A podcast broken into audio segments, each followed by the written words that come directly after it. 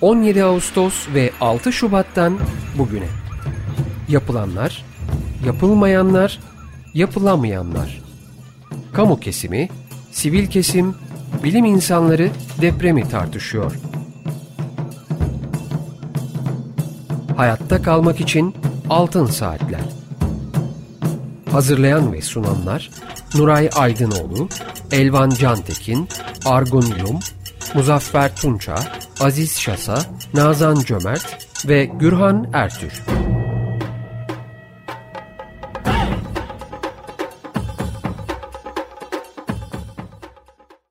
Bu noktadan sonra zaten iş mühendislerin e, elinde. Yani bu riskin İstanbul'daki riskin belirlenmesi konusu e, söz konusu. E, tabii bunun yanı sıra bu sadece bu risk belirlenip ortada bir ne bileyim e, bir rapor veyahut da CD şeklinde kalmaması gerekiyor raflarda duran. Bu riskin azaltılması için çalışma yapılması gerekiyor. E, iki senedir de devamlı söylediğim yani bu konuda e, e bazı yeni hukuksal düzenlemeler getiriyor. E, kaynak bulmak gerekiyor. Bütün bunları oturup tartışacak bir ortam yaratmak veya bu işi birilerinin sahiplenmesi gerekiyor. E, bu aşamalarda henüz mesafe kaydedilmemiş durumda. Bu toplantılarda e, Mustafa Erdik ve Nuray Aydınoğlu ile birlikte bu tehlikenin detaylarını ve İstanbul'daki riskin büyüklüğünü milletvekillerine izah etmeye çalıştık. Yani bu işin ciddi bir iş olduğunu, böyle bir deprem meydana geldiğinde de e, Türkiye ekonomisinin veyahut da Türkiye'nin e, önemli kayıplara uğrayacağını e, ortaya koyduk. Hem bu ekonomik e, can kaybı açısından hem ekonomik kayıp açısından. İkinci toplantıda gene benzer sayıda milletvekili katıldı. Fakat ikinci toplantının da ortaya çıkan e, iki tane önemli tartışma vardı. Bunlardan bir tanesi en önemlisi Millet Meclisi'nde bu konuda bir komisyon kurulmasına karar verildi ve oradaki partilerin, katılan partilerin temsilcileri e, belirlendi. Eksik kalanları da belirlenip en kısa zamanda e, bir araya gelinmesi e, kararlaştırıldı. Ancak iki ay geçmesine rağmen, iki aydan fazla bir zaman geçmesine rağmen henüz biz bunu yapamadık. İşte yeni yıldan sonra e, ilk e, yapacağımız şeylerden, toplantılardan bir tanesi bu komisyonla toplanıp ee, ne gibi hukuksal düzenlemeler getirilebilir? Belki İstanbul için ayrı bir yasa çıkartılabilir. Ee, kaynak nasıl bulunabilir? Yeni fonlar nasıl oluşturulabilir? Kasım ayında, Kasım ve Aralık ayı, özellikle Aralık ayı işte bayram, Ramazan, işte bir de bu savaşın devreye girmesi, artı ekonomik kriz, e, yani Millet Meclisi'ni veya e, hükümeti epey oyaladı. E, bu gündemi bir türlü e, tekrar eski e, bu yani ben sürekli deprem gündemde kalsın derken e, ne bileyim herkesin morali bozulsun o, o şekilde e, düşünmüyorum da ama e, tamamen unutulması da son derece yanlış. Özellikle yani halkın unutması bir, bir derece de e, bu konuda mesuliyeti olan yürütücülerin unutmaması gerekiyor. O, o açıdan yani bir an önce de tekrar bu deprem gündemini e, yakalan gündeminin yakalanması yürütücüler arasında hiç olmazsa e, önemli. O, o açıdan belki Ocak ayında e, yeniden bir araya gelme söz konusu olabilir. E, deprem stratejisi raporu konusunda biz e, mahcup durumdayız. Bir türlü o rapor bitmedi. Yeni yılın e, hatta Ocak ayının ilk iki haftası içinde yapmamız gereken veya artık e, ne bileyim e, benim şahsen e, söylemeye utandığım yani bu raporun bir bir an önce bitirilip e, bakanlar kuruluna veya da başbakanlar verilip e, ondan sonra da onun peşinde e, e, e, durmak ve e, oradaki kısa ve uzun vadede yapılacak işleri hem bakanlık çerçevesinde, bayındırlık bakanlığı çerçevesinde hem başbakanlık çerçevesinde e, yaptırmak için elimizden geleni Evet, e, Aykut Barka hocamızı 1 Şubat 2002'de kaybettik. Bu e, son gerçekleştirmiş olduğumuz programın 4 dakikalık bölümü idi biraz önce dinlettiğimiz. 25 Aralık 2001'de gerçekleştirdik bu programı. Türkiye Profesör Doktor Aykut Barkay'ı 17 Ağustos 99 depreminden sonra tanıdı.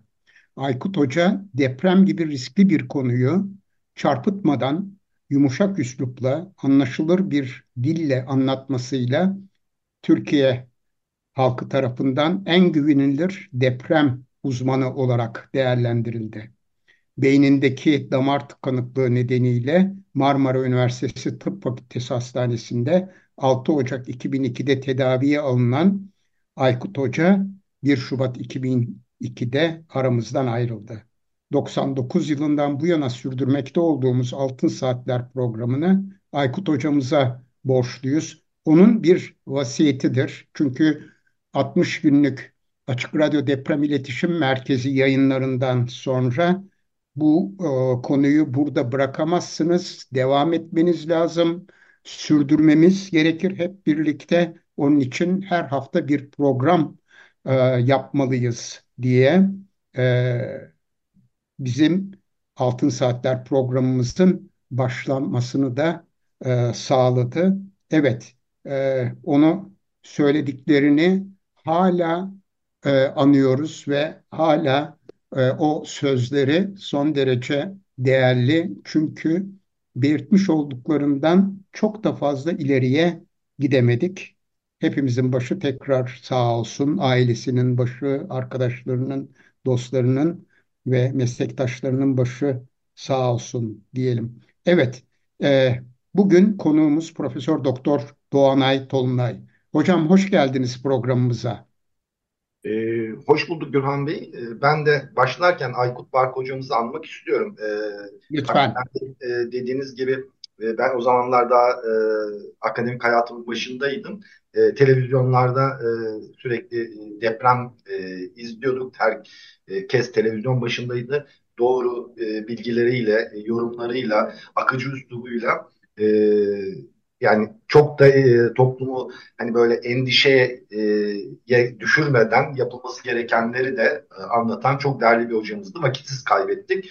E, hem de bu vesileyle e, yani aşağı yukarı 20 yıldan beri hoca rahmetli olalı e, 22 yıl olmuş. E, bir, bir hafta değil 5 gün sonra da şeyimiz var. E, 6 Şubat depremlerinin yıl dönümü biliyorsunuz. Evet. E, arpa e, boyu kadar da yol alamadığımızı e, maalesef görüyoruz. E, aradan geçen işte 20 yıldan fazla iki büyük deprem arasındaki sürede maalesef bu da e, Türkiye'nin acı gerçeği diyebilirim. Evet, çok haklısınız. Evet, e, Nuray Hoca, Argun Yum, Elvan Cantekin, Muzaffer Tunça ve Nazan Cömert ile birlikteyiz programda. Hoş geldiniz arkadaşlar. Merhabalar. Bulduk. Merhabalar. Ben çok kısaca e, Doğanay hocamızı e, tanıtmak istiyorum dinleyicilerimize. Daha önce de programımızın konuğu olmuştu. İstanbul Üniversitesi Cerrahpaşa Orman Fakültesi Orman Mühendisliği Ana Bilim Dalı Başkanı, iklim değişikliği, toprak ilmi, ekoloji, çevre kirliliği gibi konularda ağırlıklı olarak çalışıyor. Türkiye Ormancılar Derneği, Tema Vakfı, Ege Orman Vakfı, Permatürk Vakfı ve Yuvam Dünya Derneği bilim kurullarında görev alıyor. TÜBİTAK ve diğer kuruluşlarca desteklenen çok sayıda araştırma projesinde yürütücü ve araştırmacı olarak yer aldı ve ekoloji, çevre sorunları, ormancılık ve iklim değişikliği ile ilgili çok sayıda ulusal ve uluslararası bilimsel yayını bulunuyor. Bugün kendisiyle ormanlık alanların Cumhurbaşkanlığı kararları ile orman sınırı dışına çıkarılmasını konuşacağız. Bu amaçla 2018'den bu yana 26 karar verildi. Evet, hocam tekrar hoş geldiniz programımıza ve hemen ben sözü Nazan Cömert'e bırakıyorum. Evet. Ee, evet Doğanay Hocam e, ben e, önce e, kamuoyunun çok gündeminde olan bizim de programlarda çok sıklıkla işlediğimiz bir diğer konuyla bağlantılı olarak sorumu sormak istiyorum. O da yeni kentsel dönüşüm yasasıydı. Özellikle kentsel ara, alanda risklerin azaltılmasına yönelik yeni bir e, o amaçla çıkarılmış bir yasa vardı. Çok tartışmalara yol açan bir yasa e, ve orada rezerv alan e, kavramı da çok tartışma yaratmıştı. E, hatta e, belki de en kritik noktalardan biri de merkezi idareye özel mülkiyeti sınırlamaya gidecek kadar e, bir e, yetki e, sağlayan, e, yetki veren bir e, yasaydı bu yasa. Ee, şimdi e, bir taraftan bu e, yasanın e, varlığı, diğer taraftan da son günlerde iki önemli yasal düzenleme oldu. Bir, birincisi kamusal arazilerin satışına ilişkin bir düzenleme. Diğeri ise tabii bu ilk defa yapılan düzenlemeler değil. Diğeri ise bazı alanların ormanlık alan e, vasfının dışarısına çıkarılması. Şimdi konuyu iyi anlamak için öncelikle sizden bir e, e, ormanlık e, alan tanımı ve e, ormanlar kentler için, e, kentlerde afet riskinin azaltılması için niçin e, önemli dir e, bu konuya değinmenizi ve ormanlık alan vasfını kaybetmek neyi ifade ediyor? E, bunu açıklamanızı rica ediyorum. Ee, tabii ki şey hakkını e, sonraya e, saklıyorum. Ee, rezerv alanlar hakkında da bir iki şey söylemek isterim. O hakkımı sonraya bırakayım ama öncelikle dediğiniz gibi orman ne demek? Ee, buna bir bakmamız lazım. Ee, ekolojik olarak ve yasal olarak orman tanımları farklı. E, ama e, konumuz mevzuat olduğu için e, yasal olarak bir alana orman diyebilmemiz için hangi kriterler gerekiyor onu e, anlatayım. E, 6831 sayılı bir orman kanunumuz var. E, o kanunda der ki e, üzerinde e, orman ağacı bulunan e, her yer orman olarak tanımlanır, ormandır der. Ama dünyanın başka hiçbir yerinde olmayan bir e, şekilde hemen altında yani bir cümlenin altında bu sefer ancak şunlar şunlar örneğin sazlıklar, e, meyve ağaçları, parklar, mezarlıklar gibi böyle sayar sayar e, 20'ye yakın e, istisna e, maddesi vardır. Bunlar ama orman değildir der. E, genel olarak baktığımızda e, yasaya göre orman dediğimiz yer e, en az e, bir belli bir alanı olacak e, nedir bu alan? En az 3 hektar veya 30 dönüm büyüklüğünde bir alanı olması lazım. E, her ağaç orman olmuyor. Orman ağacı olarak nitelendirdiğimiz örneğin e, işte e, elma, armut gibi meyve ağaçlarının bulunduğu bir yer orman olarak nitelendirilmiyor. E, çoğu meyve ağacı olmayan e, işte çam türleri, meşeler, kayın, gürgen, kestane gibi e, ağaçların doğal olarak bulunduğu hatta bazen böyle ağaçlandırmayla kurduğumuz e, yerler varsa bunlar orman olarak tanımlanıyor. E, ormanları şimdi e, bu orman sınırları dışına çıkarmakla ilgili e, yerde birazcık e, açıklamak zorunda kalacağım için bir de ormanları ikiye ayırarak e, değerlendiriyoruz. E, orman ağaçlarının e, tepe taçlarının toprağa örtme oranına göre ormanları verimli ya da verimsiz verimsiz ormanlar olarak ikiye e, ay, e, ayırmak mümkün. Yasal olarak böyle. E, ekolojik açıdan ormanların verimlisi verimsizi olmaz. E, parantez içinde bunu da söyleyeyim. Yasal olarak eğer e, bir e, orman alanında orada bulunan ağaçların tepeleri e, toprak yüzeyini yüzde ondan fazla örtüyorsa buralar verimli orman.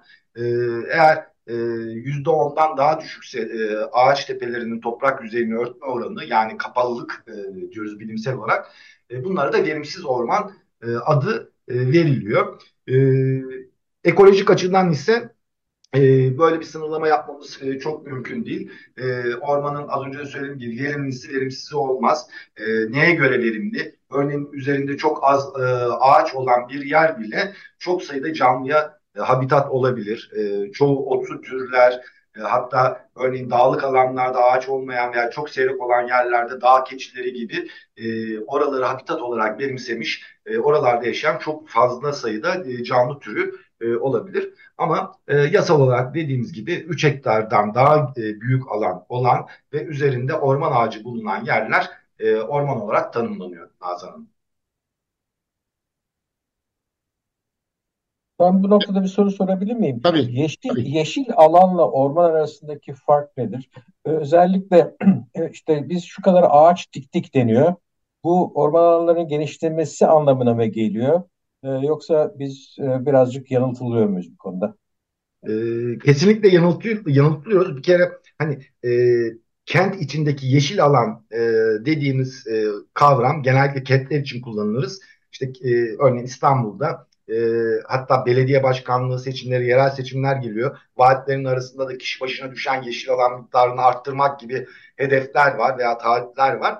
E, kent içinde bildiğimiz veya yeşil alan e, dendiğinde e, yasal olarak e, e, planlamayla ilgili, imarla ilgili e, yönetmelikle yasalarda geçiyor. Yasal olarak kent içinde daha çok kamuya açık olan e, işte üzerinde ağaç olmasına ya da çim e, alan olmasına e, gerek yok. Her türlü e, spor faaliyetlerinin yapıldığı parklar, e, sosyal alanlar, çim alanlar yeşil alan olarak e, tanımlanıyor. Dolayısıyla yeşil alan eşittir ağaçlık alan anlamına gelmiyor. Hatta tamamen beton olan e, örneğin bu belediyelerde İstanbul'da falan çok görüyoruz. Diğer büyük kentlerde de var. Parkların üzerine ya da kaldırımların üzerine bile spor tesisleri, e, aletleri konuluyor biliyorsunuz. Onlar bile yeşil alandan sayılıyor.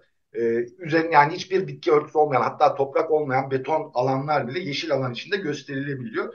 O yüzden hani e, kavramları iyi anlamak e, gerekiyor. Diğer yandan e, şeyde de çok haklısınız. E, işte resmi olarak 6 milyara yaklaştı e, son e, 22-23 yılda dikildiği açıklanan e, fidanlar.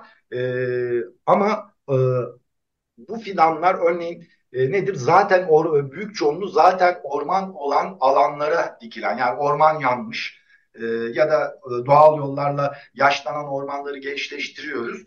E, buralara e, dikilen ağaçlar ya da atılan tohumların da belli bir hesabıyla tohum atıyorsunuz. Bu tohumlardan belli bir miktarı çimleniyor. Bunlar hesapla e, bulunuyor. E, buna ek olarak örneğin e, orman sayılmayan yol kenarı ağaçlandırmaları. Hatta e, özel günlerde e, örneğin işte 21 Mart'ta Dünya Ormancılık Günü'dür ya da buna benzer şekilde e, e, özel günlerde halka dağıtılan fidanlar, e, okul bahçeleri, cami bahçeleri gibi sağlık tesislerinin çevresinde yapılan ağaçlandırmalar, buralara dikilen e, fidanlarda hep bu toplam 6 milyar fidan e, üzerinden anlatılıyor. Ama ekolojik açıdan biz e, ormancılar e, ormanı ağaç sayısıyla hiçbir zaman değerlendirmeyiz. E, ormanın niteliği alandır. E, çünkü e, diyelim ki yeni bir orman kurdunuz, e, ağaçlandırarak, fidan dikerek kurdunuz. E, yaklaşık bir hektar, e, 10 dönüm alana e, 1500-2000 civarında fidan dikilir. Ama e, orman yaşlandı, e, yaşı ilerledi, artık olgunluk çağına geldi, yaşlandı, gençleştireceksiniz.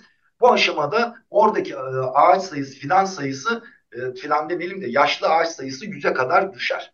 E, zamanla e, hem e, işte ağaçlar arasındaki rekabet e, gereği işte bazıları kurur, bazıları e, toplumun odun ham maddesi ihtiyacını karşılamak için kesilir. Ağaç sayısı e, kesinlikle bir orman e, ormanı değerlendirmek için doğru bir e, tabir değildir. Zaten hani söylemlerde hep şöyledir. E, 6 milyar e, fidanı toprakla buluşturduk. Peki e, diktiğiniz her fidanın yaşama şansı yok. Onu söyleyelim. E, biz e, yine mesleki olarak dik, e, fidan diktiğimizde ertesi yıl gittiğimizde e, dikilen fidanların yüzde sekseni yaşıyorsa başarılı olarak kabul ediliriz. Seksenin altındaysa e, yüzde elli ile e, 80 arasında yaşıyorsa oraya yeniden fidan dikeriz. E, eğer yüzde ellinin altındaysa e, burada e, bambaşka işlemler e, yaparız. Ya ağaç türünü değiştiririz ya toprak işleme yaparız. E, o nedenle e, bu dikildiği söylenen toparlayarak söyleyeyim. E, dikildiği söylenen 6 milyar e, fidanın yeni orman e, oluşturmaya katkısı yok. E, büyük çoğunluğu zaten orman olan alanlarda yapılan e, çalışmalarla oralara dikilen fidanlar ve atılan tohumlardan e, hesaplanan fidan sayısıdır. E, bir de sanıyorum bu fundallık veya makilik alan doğru mu söylüyorum bilmiyorum ama e, orman olmasa bile ormana ait bir alan e, olarak düşünebiliriz değil mi? Yani ekosistem içinde çok e, önemli. E, hani bir dengeyi oluşturma açısından baktığımız zaman. E, bunu şunla e, birleştirerek sormak istiyorum. E, ormanlık alan vasfını kaybetme e, e, işleyişi e, veya böyle bir e, e, ne diyelim e, e, dinamik nasıl bir süreçten geçiyor? Yani bir ormanlık bir alan nasıl orman alan vasfını kaybediyor veya bunun dışına çıkarılıyor? Hemen e, cevaplayayım e, Nazan Hanım.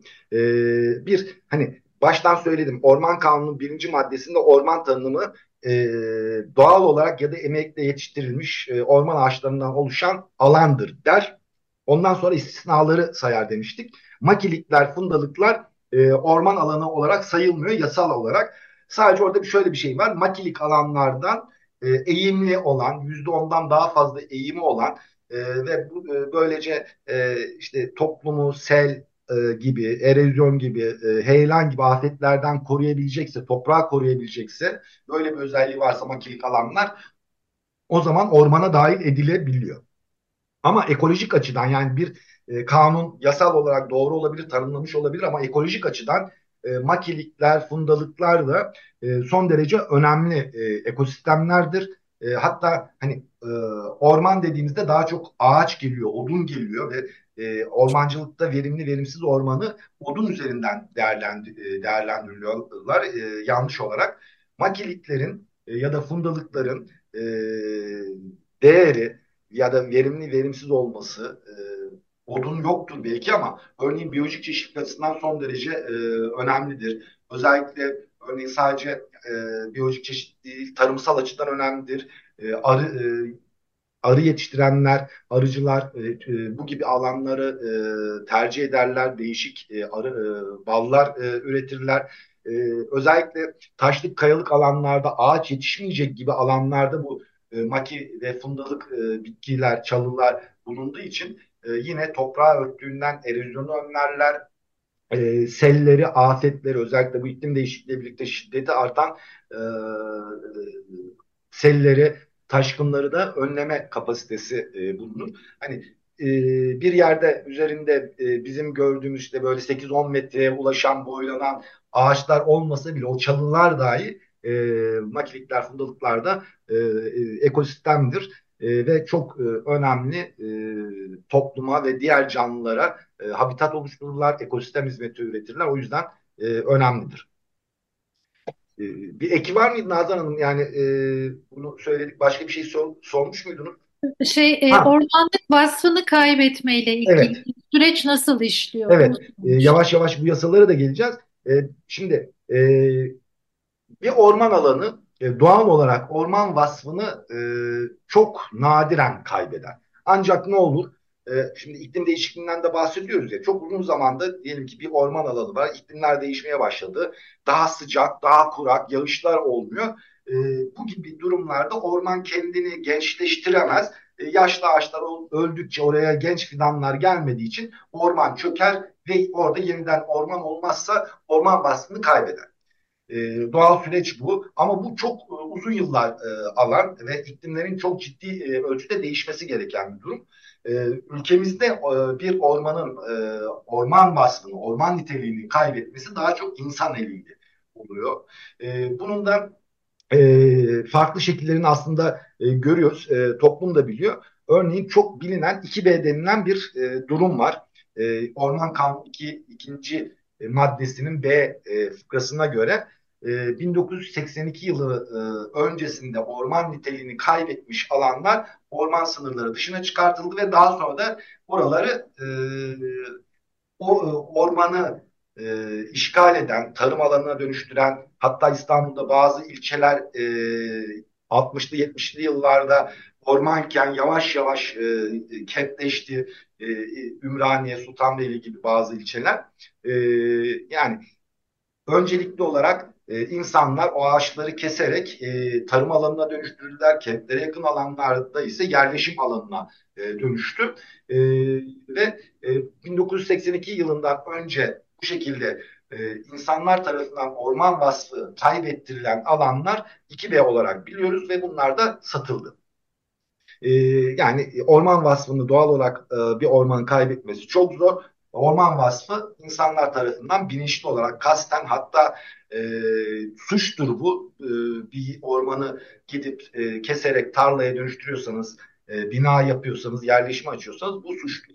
Şimdi yavaş yavaş da oraya geleceğiz. E, Gürhan Bey'in yayının başında da söylediği gibi e, 2018 yılında da e, Orman Kanunu'na bir madde e, eklendi. E, ek 16. madde diyoruz. E, bu ek 16. maddeyle de 2018 yılından itibaren e, madde aynen şöyle bunu e, okuyacağım izni, e, izniniz olursa. Tabii tabii buyurun hocam. Şimdi yasa madde şöyle e, bilim ve fen bakımından orman olarak muhafazasında hiçbir yarar görülmeyen tarım, ara, e, tarım alanına dönüştürülmesi de mümkün olmayan yerler ile bu maddenin yürürlüğe girdiği tarihte 2018 e, yılı Nisan ayı e, tarihte üzerinde yerleşim yeri bulunan ya da yerleşim yeri oluşturulması için uygun olan taşlık, kayalık, verimsiz ve fiilen orman vasfı taşımayan alanlardan sınırları Cumhurbaşkanı'nca belirlenen alanlar e, orman sınırları dışına çıkartılır. Orman sınırları e, orman sınırları dışına çıkartılan alanın iki katı kadar e, bir hazine arazisi de ağaçlandırılmak üzere e, Orman Genel Müdürlüğü'ne tescil edilir diye bir e, madde eklendi. Şimdi bunu niye böyle açık açık e, okudum?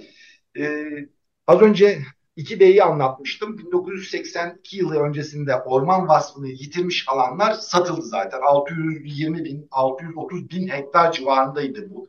E, ormandan işgal edilmiş, tarıma ya da yerleşime dönüştürülmüş alanlar. E, ama 1982 yılı sonrasında da e, ormanlarımızı koruyamadık. Bu şekilde ormanlarda işgaller oldu. Bunların davaları devam ediyordu.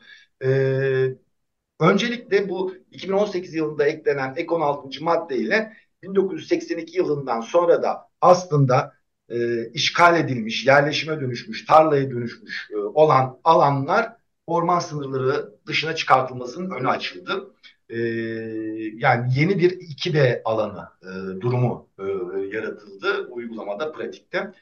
Bunun haricinde de e, özellikle hani e, büyük kentlerimiz büyüdüğü için e, işte çoğu alan hani kamunun ihtiyacı olan yeni arsalar, yerler, e, kamulaş, yüksek kamulaştırma bedelleri e, gerektiği için e, ormanlara bedava arsa olarak bakıldı ve e, bazı orman alanları özellikle kente yakın alanlarda orman sınırları dışına çıkartılarak e, burada e, yapılaşmanın önü açıldı diyebiliriz. Yani birkaç farklı uygulama yöntemi var. Bir zaten işgal edilmiş e, ve aslında orayı işgal edenler yasal olarak da suç işlemiş, e, cezalandırılmaları gerekirken e, bunlar affedildi ve orman sınırları dışına çıkartıldı. E, ikinci uygulama ise e, şöyle bir örnek verebilirim.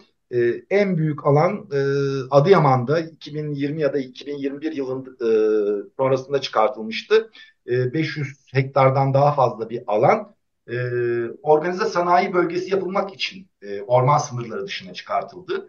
Daha e, batıdan bir örnek vereyim. E, İzmir'de e, İzmir e, bu şehir hastaneleri evet onu hatırlamaya çalışıyordum. Şehir hastanesi yapıldı. E, Bornova'da e, o e, şehir hastanesinin yapıldığı yer e, 1995 yılıydı yanılmıyorsam. Laka Deresi denilen e, bir dere var. Aslında küçük bir havza. Çok dik yamaçları olan. E, ve İzmir'de e, o dere taştı. 64 kişi hayatını kaybetti. E, yani küçük bir alanda olmasına rağmen yağışların kuvvetli olması ve toprak çıplak, yüksek e, eğimin olduğu bir yer e, çok can kaybı oldu. E, hemen e, ondan sonra e, o eğimli alanlarda hem çeşitli istinat duvarları böyle inşaat e, daha doğrusu e, betonarme yapılarla e, toprak kayması, taş yuvarlanması engellendi. Sonrasında da buralar ağaçlandırıldı. E, ve e, şehir hastanesi, İzmir'deki şehir hastanesi de bu alanın orman sınırları dışına çıkartılması sonucunda buraya yapıldı. Yani e, dediğim gibi bir uygulamada e, toplumun veya bir şekilde ihtiyaç olan e, arsaya, arazi ihtiyaç olan yerde de bu gibi orman alanları e, verimsiz denilerek, taşlık denilerek, üzerinde ağaç yok denilerek e, orman sınırları dışına çıkartıldı. Bu gibi uygulamaları görüyoruz. Evet, hocam çok teşekkürler. Bir kısa ara verelim, müzik parçamızı dinleyelim. Müziğimizi Berke Akmeşe arkadaşımız seçti. Nina Simone'dan dinliyoruz. Radyoda Altın Saatler programının ikinci bölümündeyiz. Bugün konuğumuz Profesör Doktor Doğanay Tolunay. Ee, hocam ben hemen şunu sormak istiyorum. Şimdi tam da belirttiğiniz gibi bu 6831 sayılı Orman Yasası'nın sonradan eklenen 16.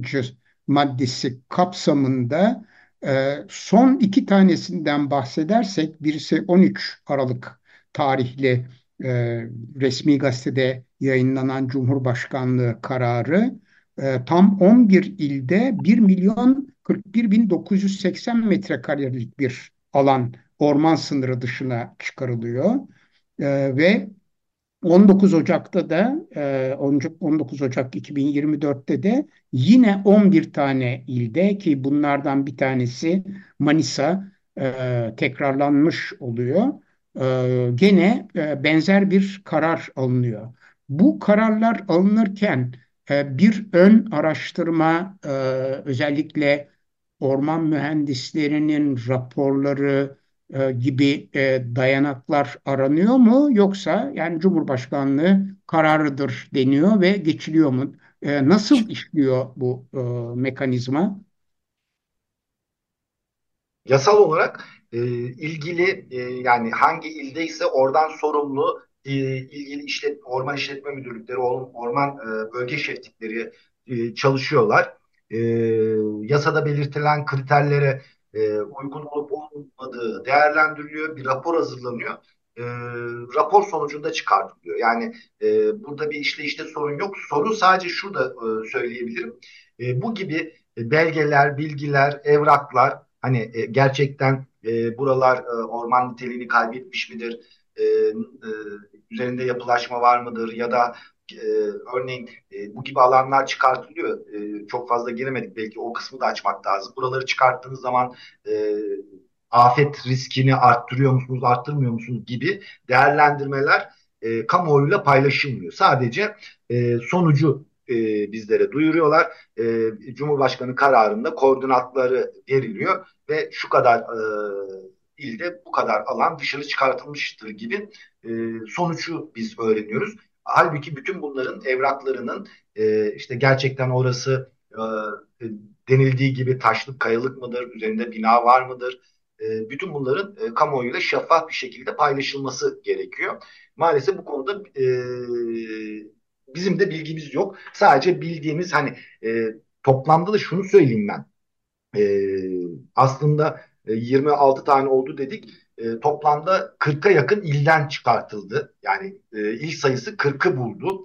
E, bazıları da daha fazla var. Örneğin en fazla e, şeyden e, çıkartılan e, hani iller e, açısından baktığımızda e, en fazla e,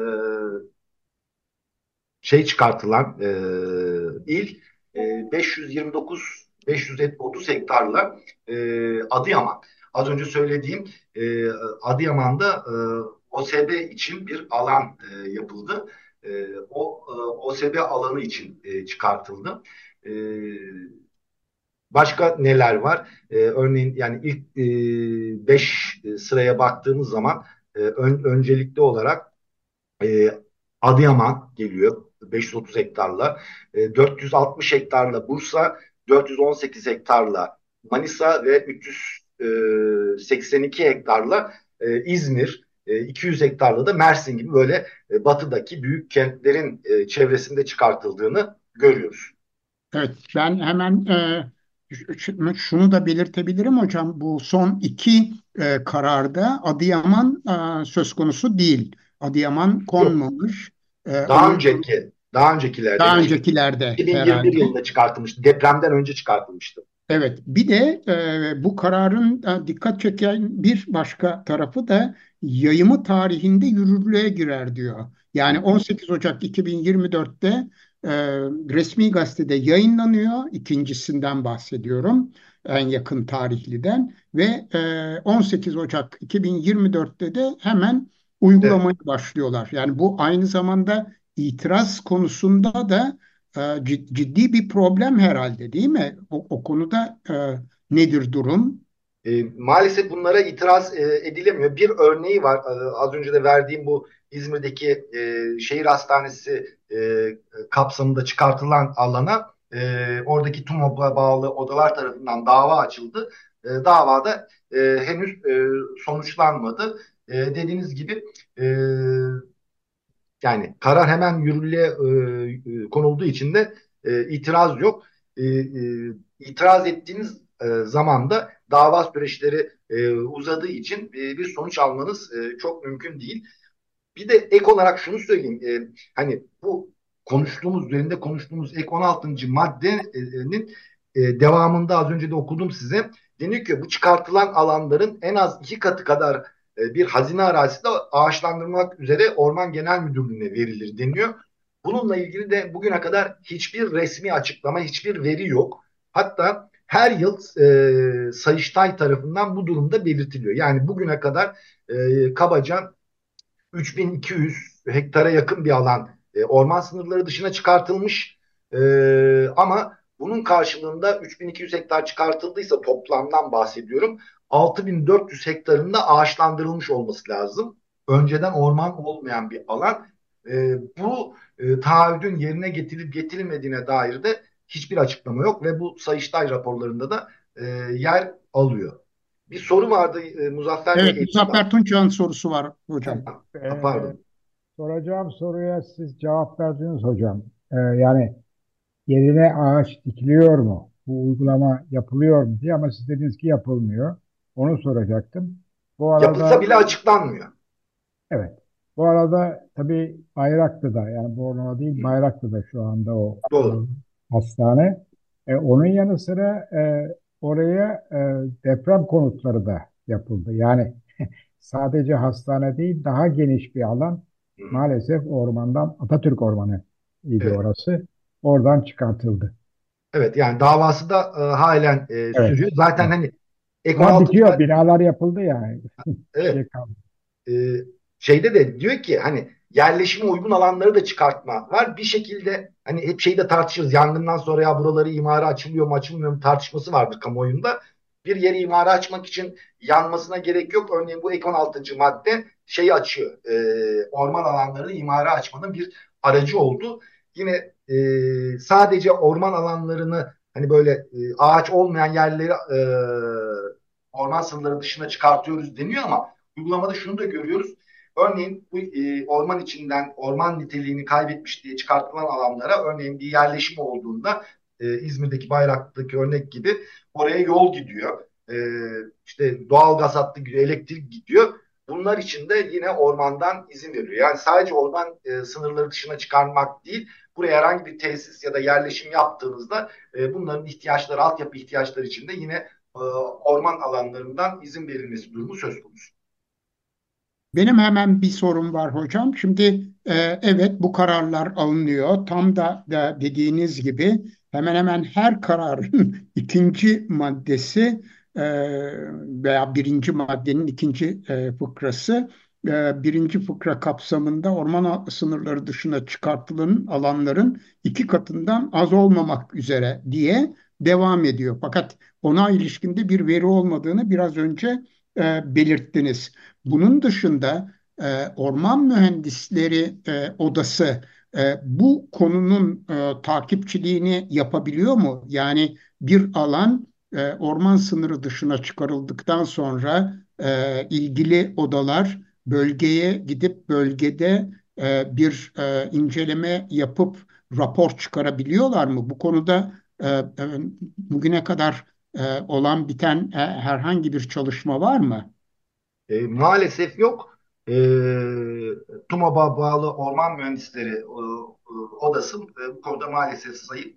E, odalar e, e, biliyorsunuz seçim de geliyor. Hatta 2024 yılı yine e, TUMOP bağlı odalar için seçim e, dönemleri. Evet. Orman Mühendisleri Odası'nı yöneten grup şu anda diyeyim. Biraz e, iktidar yanlısı bir grup. E, o nedenle e, bu gibi olaylara e, çok fazla itiraz etmiyor, takibini yapmıyor e, maalesef. Onun yerine e, bizim ayrı bir derneğimiz var, Türkiye Ormancılar Derneği. E, bu dernek üzerinden, ben de bilim kurulu başkanıyım, e, ulaşabildiğimiz yerlerde e, yardımcı olmaya çalışıyoruz ama e, 400'den yani tek tek e, baktığımızda 26 tane e, Cumhurbaşkanı kararı e, içinde 400'den fazla yer çıkartılmış. Bunların hepsini takip etmemiz mümkün değil. E, bunun için şöyle evet. izliyoruz. Örneğin bu son 19 Ocak'ta e, çıkartılan e, yerler e, arasında Bursa'da da yerler var.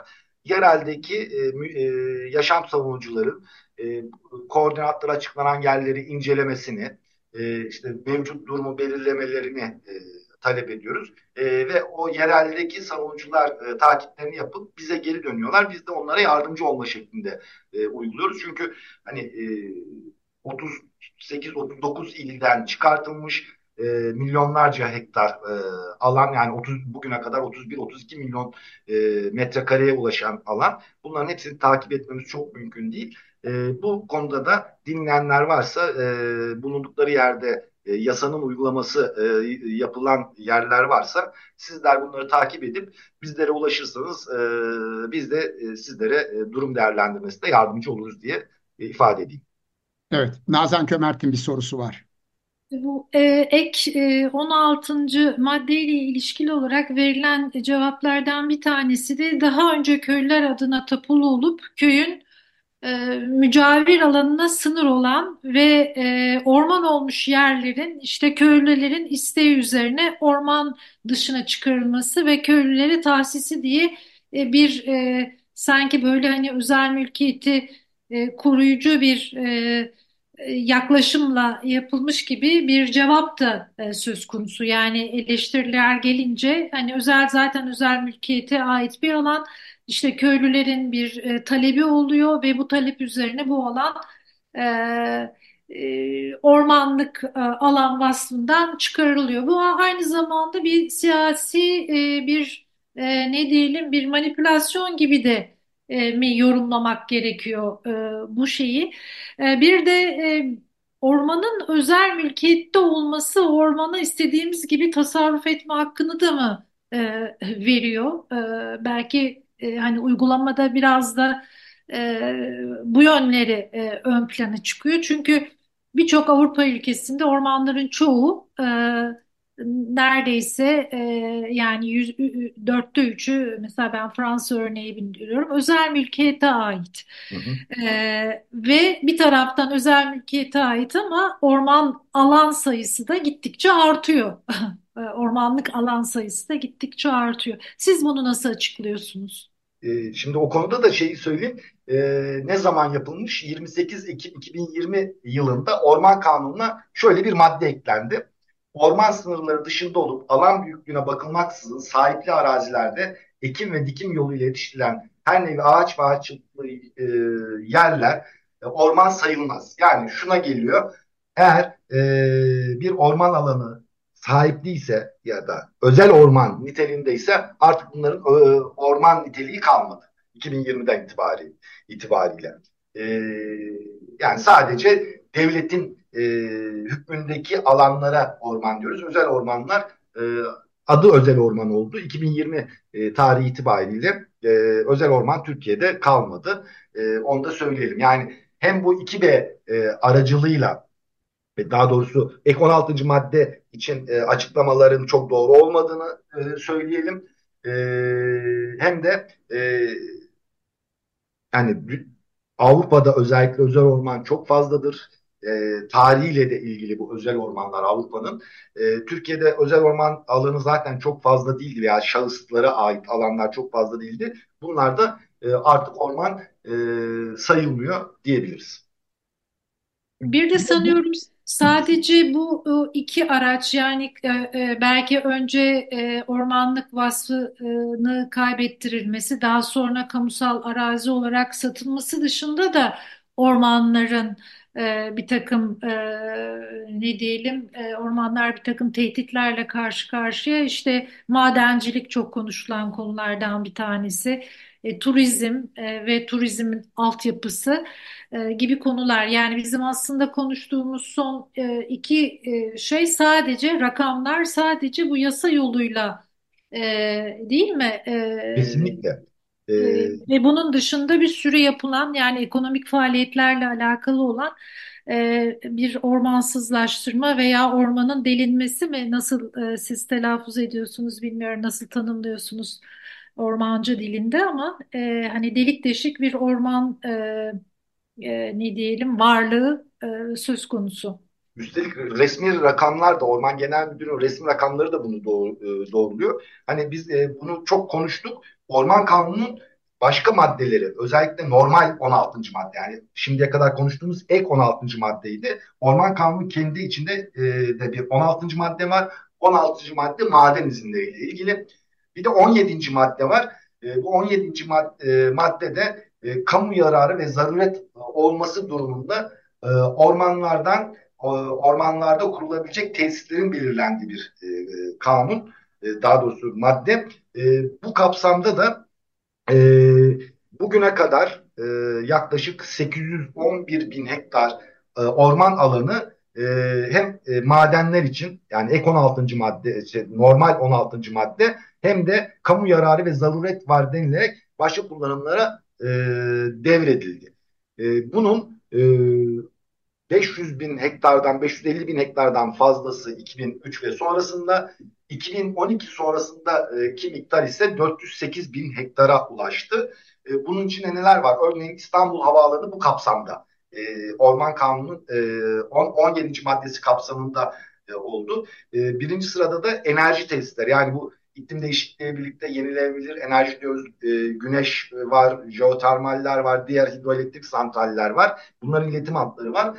Bunlar ormanları paramparça e, ediyor. Hatta e, yaz aylarında konuştuğumuz orman yangınlarının e, e, son yıllarda sayısının ve yanan alan miktarının artmasında orman içinde e, bu gibi e, yapılan tesislerin de e, izni var. Hatta şeyi de söyleyebilirim size.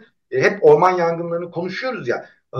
2021 e, yılı yangınların dışarı, dışarıda bırakırsak o çok geniş alanları Türkiye'de ortalama yılda 10 bin hektar kadar bir alan yanıyor. Ama e, Orman Kanunu'nun 16. ve 17. maddeleriyle e, toplamda 810 bin hektar aşan e, alanlar yıllık olarak baktığımızda 35 bin hektar civarında e, bir alan orman niteliğini kaybediyor. Yani yanan alanların aslında 3 3,5 katı kadar bir alanı e, ormanı kaybediyoruz ve bunların büyük büyük çoğunluğu da tekrar orman olmuyor. E, havaalanı, İstanbul Havaalanı gibi alanlar e, 49 yıllığına orman dışına çıkartılmış oluyor. 49 yıl sonra e, bunların yeniden orman olacağı vars, e, varsayılıyor. Ya da maden alanları maden işletildikten sonra rehabilite edilecektir deniyor. E, madenlerin büyük bir çoğunluğu, sadece orada istisnası genellikle kömür e, kömür e, madenleridir. E, diğerleri e, çok rehabilite edilmesi de söz konusu değil diyeyim. Evet, Elvan'ın bir sorusu var. Ee, esasında e, bu son söylediğiniz üzerinde de bir takım sorular ortaya çıkıyor ama e, ben e, vaktimizin kısalığını dikkate alarak şey yap, e, biraz afet yönüne e, eğileceğim. Evet. E, bu orman alanlarının azalmasının e, hani hepimizin bildiği e, ormanın e, e, çevre üzerindeki e, e, önemini biliyoruz ama onun ötesinde değişen koşullar özellikle de bu işte sizin de bahsettiğiniz gibi e, iklim değişikliği e, olayı içerisinde e, nedir? E, nasıl olur? Bu konuda biraz bizi aydınlatır mısınız? Tabii ki e, şey de aklımda Nazan Hanım'ın kentsel rezerv alanları dediği şey de e, aklımda onu bir kenara bırakmıştık. Kesinlikle haklısınız. Hani son birkaç yıldır e, ben de bunun üzerinde durmaya çalışıyorum. Dünya genelinde şöyle bir e, yaklaşım var. E, ekosistem temelli afet risk azaltma diye bir kavram var. Şimdi deprem süreçlerinde şunu öğrendik. Hani bina e, deprem değil bina öldürür dedik ve onun üzerine de hani işte kentsel rezerv kentsel dönüşüm yani o çürük binaların yer değiştir, yenilenmesi gibi süreçler var. bunlar hep afet risk azaltma olarak adlandırılıyor. Yani e, can ve mal kaybını en aza indirebilecek e, afet öncesinde yaptığımız çalışmalar. Şimdi artık ekosistem temelli afet risk azaltma diyoruz. Çünkü iklim değişikliğine bağlı olarak seller artıyor, heyelanlar, e, kuraklıklar e, artıyor. E, ve eğer sadece ormanlar değil, diğer doğal ekosistemlerde e, e, akarsuları korumazsanız, sulak alanları korumazsanız e, sellerle, taşkınlarla karşılaşırsınız. Ormanları korumazsanız heyelanlar olur, erozyon artar, yine e, sellere dönüşebilirsiniz. O nedenle tüm dünya genelinde e, iklim değişikliği, e, ekosistem yönetimi arasında sıkı bir e, ilişki var. E, hem iklim değişikliğini e, önlemek için e, ekosistemleri de korumanız e, gerekiyor. E, bu kapsamda e, kentsel rezerv alanlarına da e, değinmek istiyorum. Örneğin e, Kanal İstanbul güzergahı da aslında kentsel rezerv alanı olarak ilan edilmişti 2014 yılında. E, oraya bir deprem sonrasında şey yapılacaktı, yeni yerleşimler yapılacaktı. Sonra Kanal İstanbul e, yapıldı. E, bir bilgi e, TEMA tarafından dava açılmıştı e, Kanal İstanbul'a karşı bilirkişi de e, e, bunun hatalı olduğunu söyleyen yönde ifadeler olmasına rağmen e, dava reddedildi. Bunu da e, söyleyeyim. E, bir de ben e, deprem sonrasında oluşturulan e, afet risk kalkanına davet edilmiştim. Cumhurbaşkanı tarafından e, oluşturulmuştu. Orada söylediğim bir şeyi söyleyeyim.